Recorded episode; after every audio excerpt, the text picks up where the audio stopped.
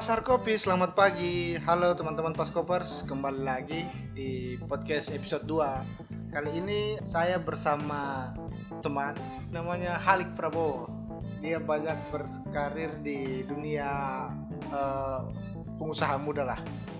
Dari komunitas tangan di atas, eh, HIPMI Kota Palu, gimana? Halik Prabowo, sehat? Alhamdulillah sehat. Bagaimana bisnis? Lancar. Alhamdulillah lumayan sedikit sakit. Gitu. Sedikit sakit ya. Iya iya iya. Bagaimana? Sudah ngopi? Ngopi pagi? Alhamdulillah. Iya iya. iya. Kesibukan sekarang bagaimana? Kalau sekarang sih eh, lagi berputar otak sih. Kalau untuk kesibukan sehari-hari karena masih bergelut dengan pendidikan, Hmm, ya itu itu saja. itu itu saja. Masih Ya. beraktivitas di perkuliahan. Berarti kesibukan juga mungkin mulai bertambah padat ya?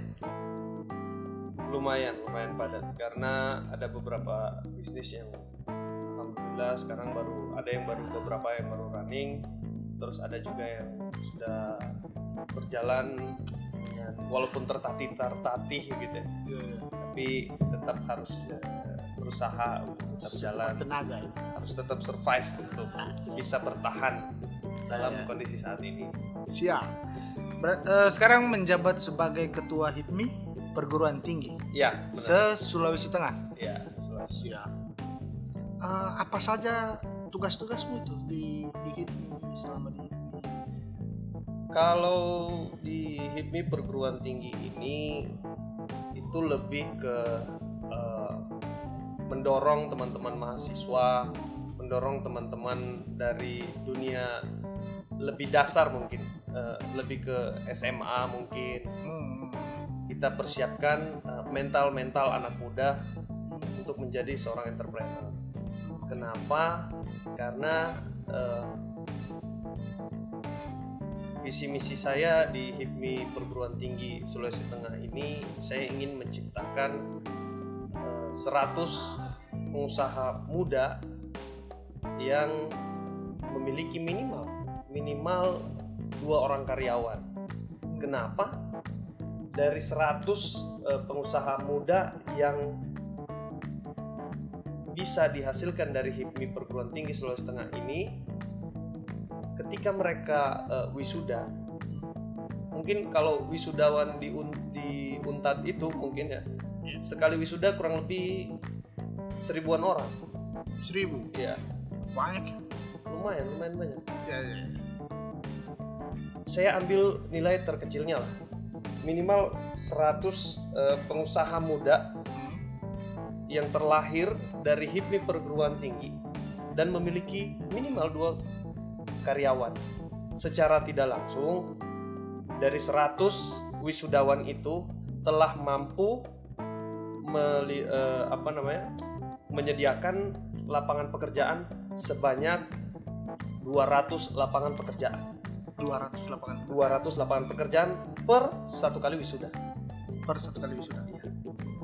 dalam satu tahun itu ada kurang lebih empat kali wisuda 3 sampai empat kali wisuda kalau dihitung ya paling paling minimal HIPMI perguruan tinggi Sulawesi Tengah ini mampu menyumbang eh, lapangan pekerjaan itu sebanyak 600 sampai 800 lapangan pekerjaan Banyak sekali. ya. itu target eh, visi misi saya Itu per tahun atau per tahun per tahun? per tahun kan anak muda nih. ya Eh kenapa ya kenapa sih anak muda itu sangat-sangat perlu untuk menjadi pelaku UMKM? Karena sebenarnya sebenarnya sih pilihan. Eh, mau bekerja di dunia perkantoran atau mungkin menjadi seorang ASN mungkin. Sedangkan untuk menjadi seorang pengusaha ini adalah pilihan. Karena? Karena kalau di saya pribadi Ya. beranggapan bahwa menjadi seorang pengusaha itu adalah hal yang baik karena kita mampu eh, mempekerjakan orang banyak. Kenapa harus lapangan pekerjaan Iya. bagi orang banyak Iya. Eh, saya berharap untuk diri saya sendiri sebenarnya ingin menjadi orang yang bermanfaat untuk orang banyak. Bagaimana melakukan hal itu? Saya rasa dengan dengan saya terjun ke dunia enterte- eh, enter- entrepreneur gitu ya, insya Allah itu bisa terlaksana dengan eh, menjadi seorang pengusaha yang memiliki ratusan atau mungkin ribuan karyawan. Masya Allah. itu memang cita-cita Iya, cita-cita paling besar ya iya. selain menikah Iya. Doi bagaimana kabar Doi Alhamdulillah sehat. ya ibu dokter ibu dokter nah kita kembali ke anak muda nah kan kebanyakan juga itu anak muda kadang-kadang mereka eh, sangat-sangat tertak bukan kadang-kadang mungkin sebagian besar atau sebagian kecil sangat eh, eh, melihat entrepreneur itu kayak punya rasa tantangan yang lebih kan Iya, iya. Nah, benar. tapi kadang-kadang mereka bingung sendiri atau memang karena mungkin terlalu banyak pikiran, Hmm. mereka bingung melang- mengambil langkah apa saja yang memang mesti eh, dilakukan begitu. Nah, Apa saja itu mungkin eh, kalau dari kacamata Halik sebagai ketua itu PT Susultan apa eh, langkah-langkah yang mesti dia mereka lakukan, teman-teman anak muda ini lakukan. sebenarnya dari lingkungan. Makanya kenapa ada HIPMI Perguruan Tinggi Sulawesi Tengah. Organisasi ini menaungi teman-teman yang ingin eh, belajar eh, untuk berbisnis gitu. Untuk belajar memulai su- eh, suatu bisnis. Kenapa? Karena lingkungan ini itu eh, menjalis janis. Menjalis janis ini maksudnya eh, saya bergaul dengan siapa, Hmm. saya akan menjadi siapa. gitu. Oke oke oke. Paling tidak dia bergaul di lingkungan eh, teman-teman pengusaha. gitu.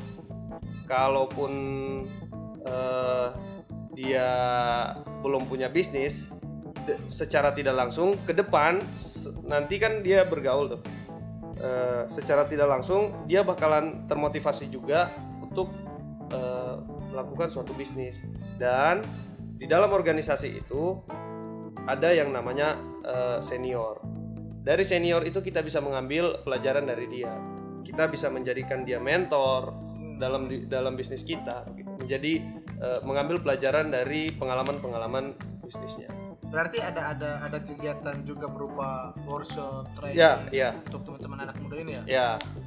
Kalau di HIPMI PT sendiri itu eh, ada namanya eh, pendidikan dasar untuk teman-teman yang baru mau bergabung di HIPMI perguruan tinggi. Caranya mau bergabung di HIPMI PT perguruan tinggi? Kalau bergabung tidak terlalu susah. Yang penting punya niat lah. Ya. Niat ya. Niat Mimpi masih boleh tapi niat jangan tidur terus ya. paling tidak punya niat dan masih hidup.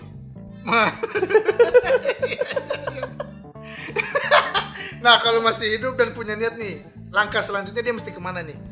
Maksudnya eh, dia ke kampus, bisa ke bisa kantor, konfirmasi bisa eh, DM langsung ke Instagram eh, Oke. HIPMI perguruan tinggi Sulawesi Tengah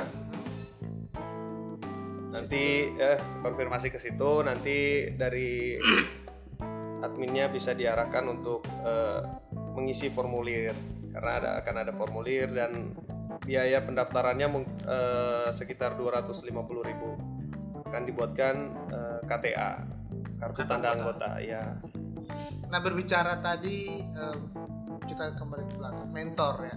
Ya. Nah untuk seorang Halik Prabowo siapa sih tokoh-tokoh yang mempengaruhi gaya berbisnis seorang Halik Prabowo orang-orang yang memang mentor saya banget nih. Apakah memang dari teman-teman lokal sini atau memang dari eh, para mentor-mentor nasional? kalau kalau panutan Ya. eh, lebih ke nenek saya mungkin ya Nenek, kakek saya mungkin kakek. ya kakek saya Karena kenapa sih? Eh, dulu kakek saya juga seorang pengusaha pengusaha kayu hitam dan juga rotan. Eh, setelah beliau meninggal eh, bisnisnya tidak berlanjut. Ya saya melihat eh, perjuangan beliau membangun bisnisnya luar biasa. Saya saya merasa bahwa dengan berbisnis beliau eh, memiliki manfaat yang sangat luar biasa. Beliau adalah salah satu pendiri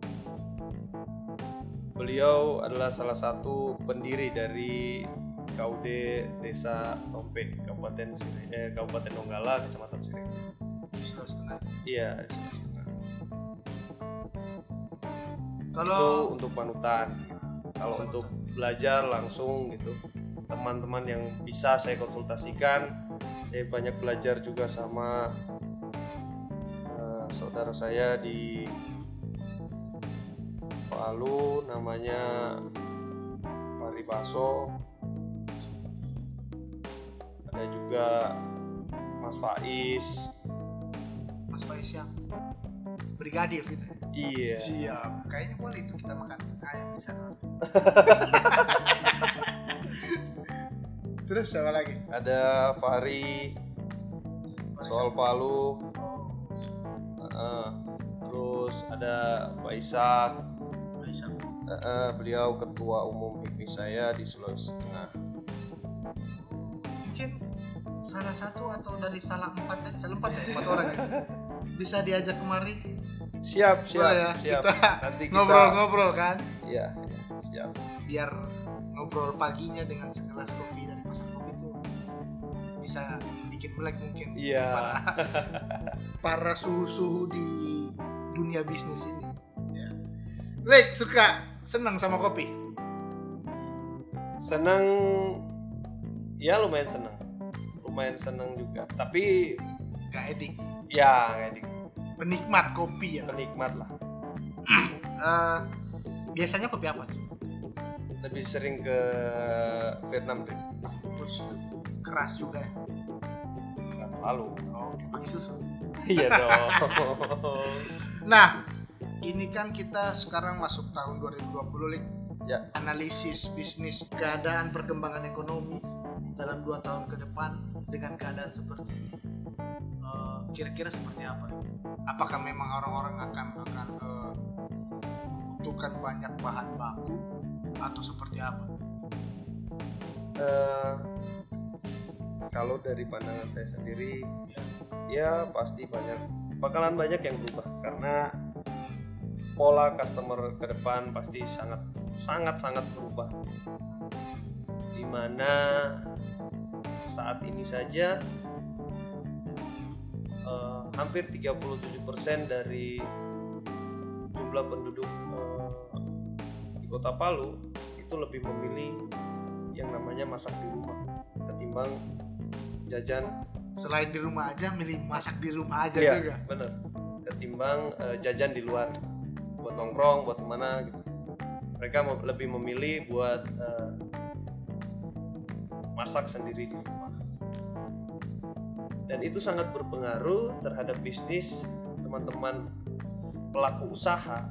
Ke depan kita harus bekerja keras harus berpikir lebih keras lagi memutar otak untuk bagaimana caranya mengikuti pola pergerakan customer. Karena pola pergerakan customer atau pola pergerakan pasar ke depan itu akan sangat berubah dengan kondisi saat ini.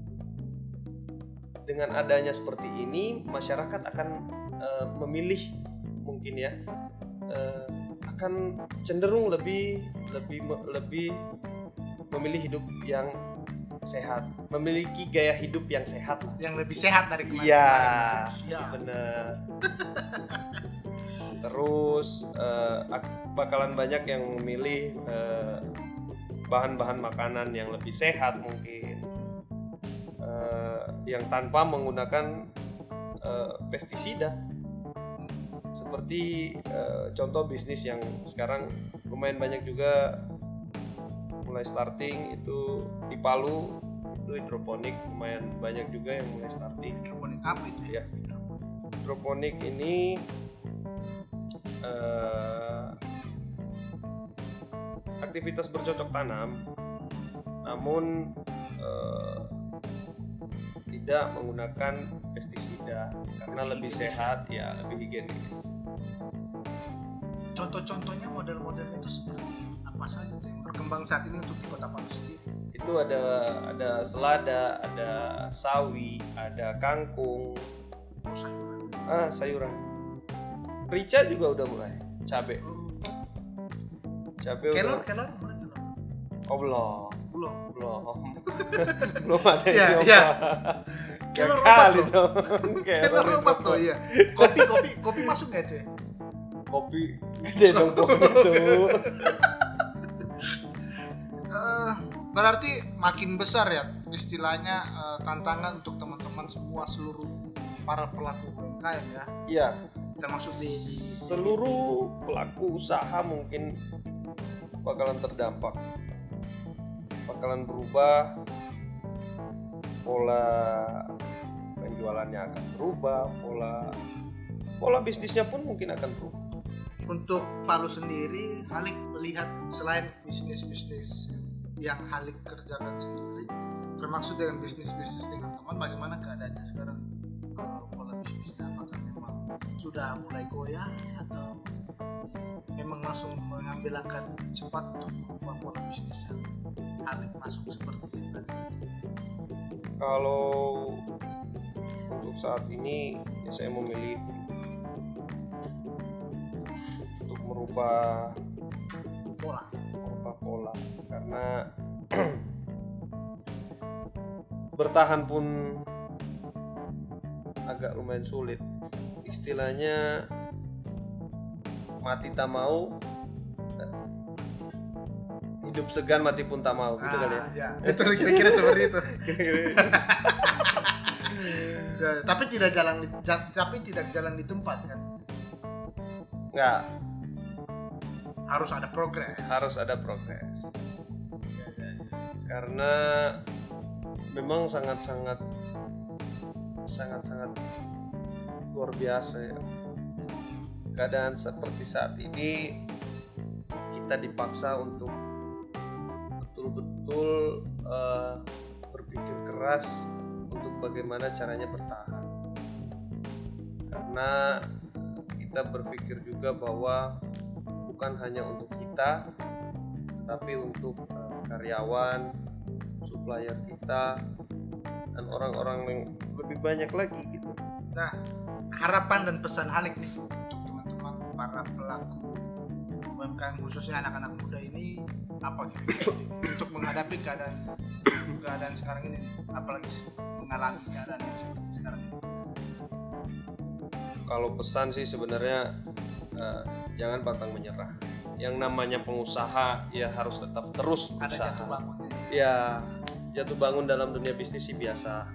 Bukan tentang eh, dunia bisnis itu bukan tentang siapa yang eh, datang lebih awal atau memulai lebih awal, tapi siapa yang bertahan hingga akhir.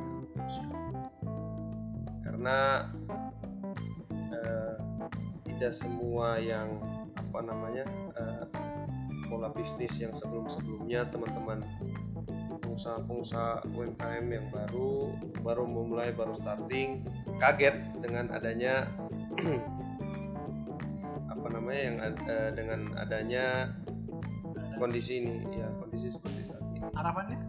harapannya sih sebenarnya teman-teman yang baru mau memulai banyak-banyak eh, meriset banyak-banyak belajar dulu melihat potensial-potensial apa saja ke depan kegiatan-kegiatan eh, pola customer atau pola masyarakat pola hidup masyarakat itu bakalan bergeser dengan kondisi saat ini.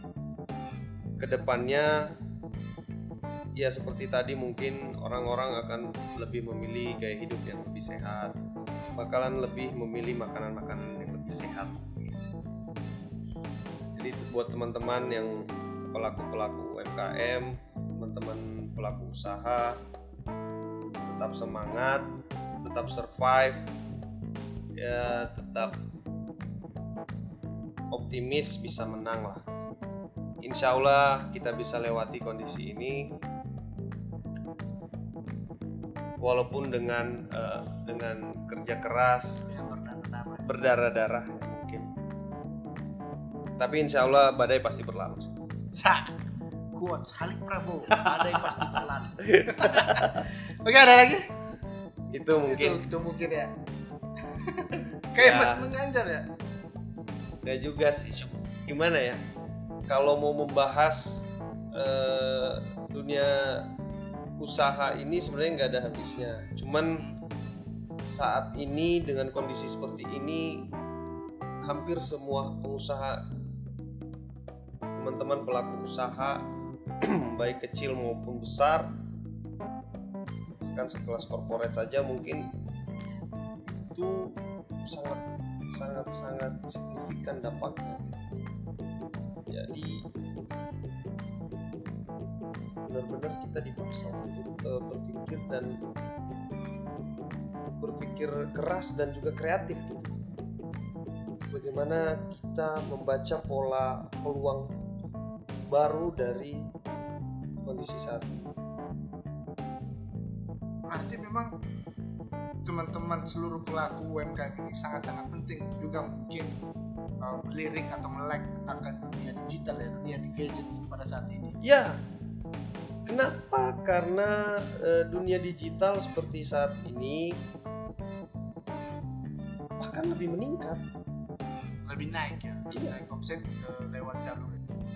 Cuman kenapa harus melek eh, digital? Karena bisnis itu harus eh, berdampingan dengan yang namanya media. Karena media itu atau digital adalah salah satu alat untuk eh, eh, apa ya? Alat untuk pemasaran mungkin dari bisnis kita. Itu memang pengaruh impact paling besar untuk di- Iya. uh, dunia digital untuk para Iya. pelaku UMKM sendiri mau besar mau kecil mau menengah semua Mm-mm. uh, harus melek. harus melek dengan digital. Makanya dengan adanya eh, Paskop Talk seperti ini, ini bisa sebenarnya membantu teman-teman UMKM juga karena mungkin di luar sana banyak teman-teman UMKM yang mau bercerita atau bahkan mungkin mengeluh dengan kondisinya seperti saat eh, kondisi saat ini. Dan juga bisa saja mereka mungkin eh, eh, apa namanya mau menginformasikan atau sekedar ber- beriklan di Paskop Talk ya bisa saja. Terutama siapa tahu ada yang mau bercerita sambil ada endorse-nya ya? Ya, minuman gitu apa kan? Biar nggak kopi mulu biar nggak tegang kayak kopi. Ini buat teman-teman yang dengar ya. Kali aja ada yang mau iklan di Paskop Talk nanti. Teman-teman UMKM ya. Boleh. Main ke sini lah. Ketuanya aja main masa kalian enggak? Itu pentingnya eh, Digital. melek digital ya. Sekarang bisnis itu bergandengan dengan digital. Karena media adalah eh, hal yang paling dibutuhkan dalam suatu bisnis. Itu saja mungkin. Oke teman-teman Paskopers itu tadi eh, curhat mungkin ya. Bersama Halik Prabowo Ketua HIPMI Perguruan Tinggi Kota Palu Sulawesi Tengah ya? Ya, cukup sekian mungkin Paskop Talks untuk episode kedua kali ini semoga kita bertemu dengan teman-teman Halik yang lain nanti mungkin. Siap siap. nanti di di sounding sounding lah. Diajak-ajak lah toh. siap siap Ah, siap. Nanti untuk dikonfirmasi episode-episode lagi. selanjutnya. Tetap semangat teman-teman. Tetap survive dengan keadaan ini. Pasar kopi terima kasih. Selamat pagi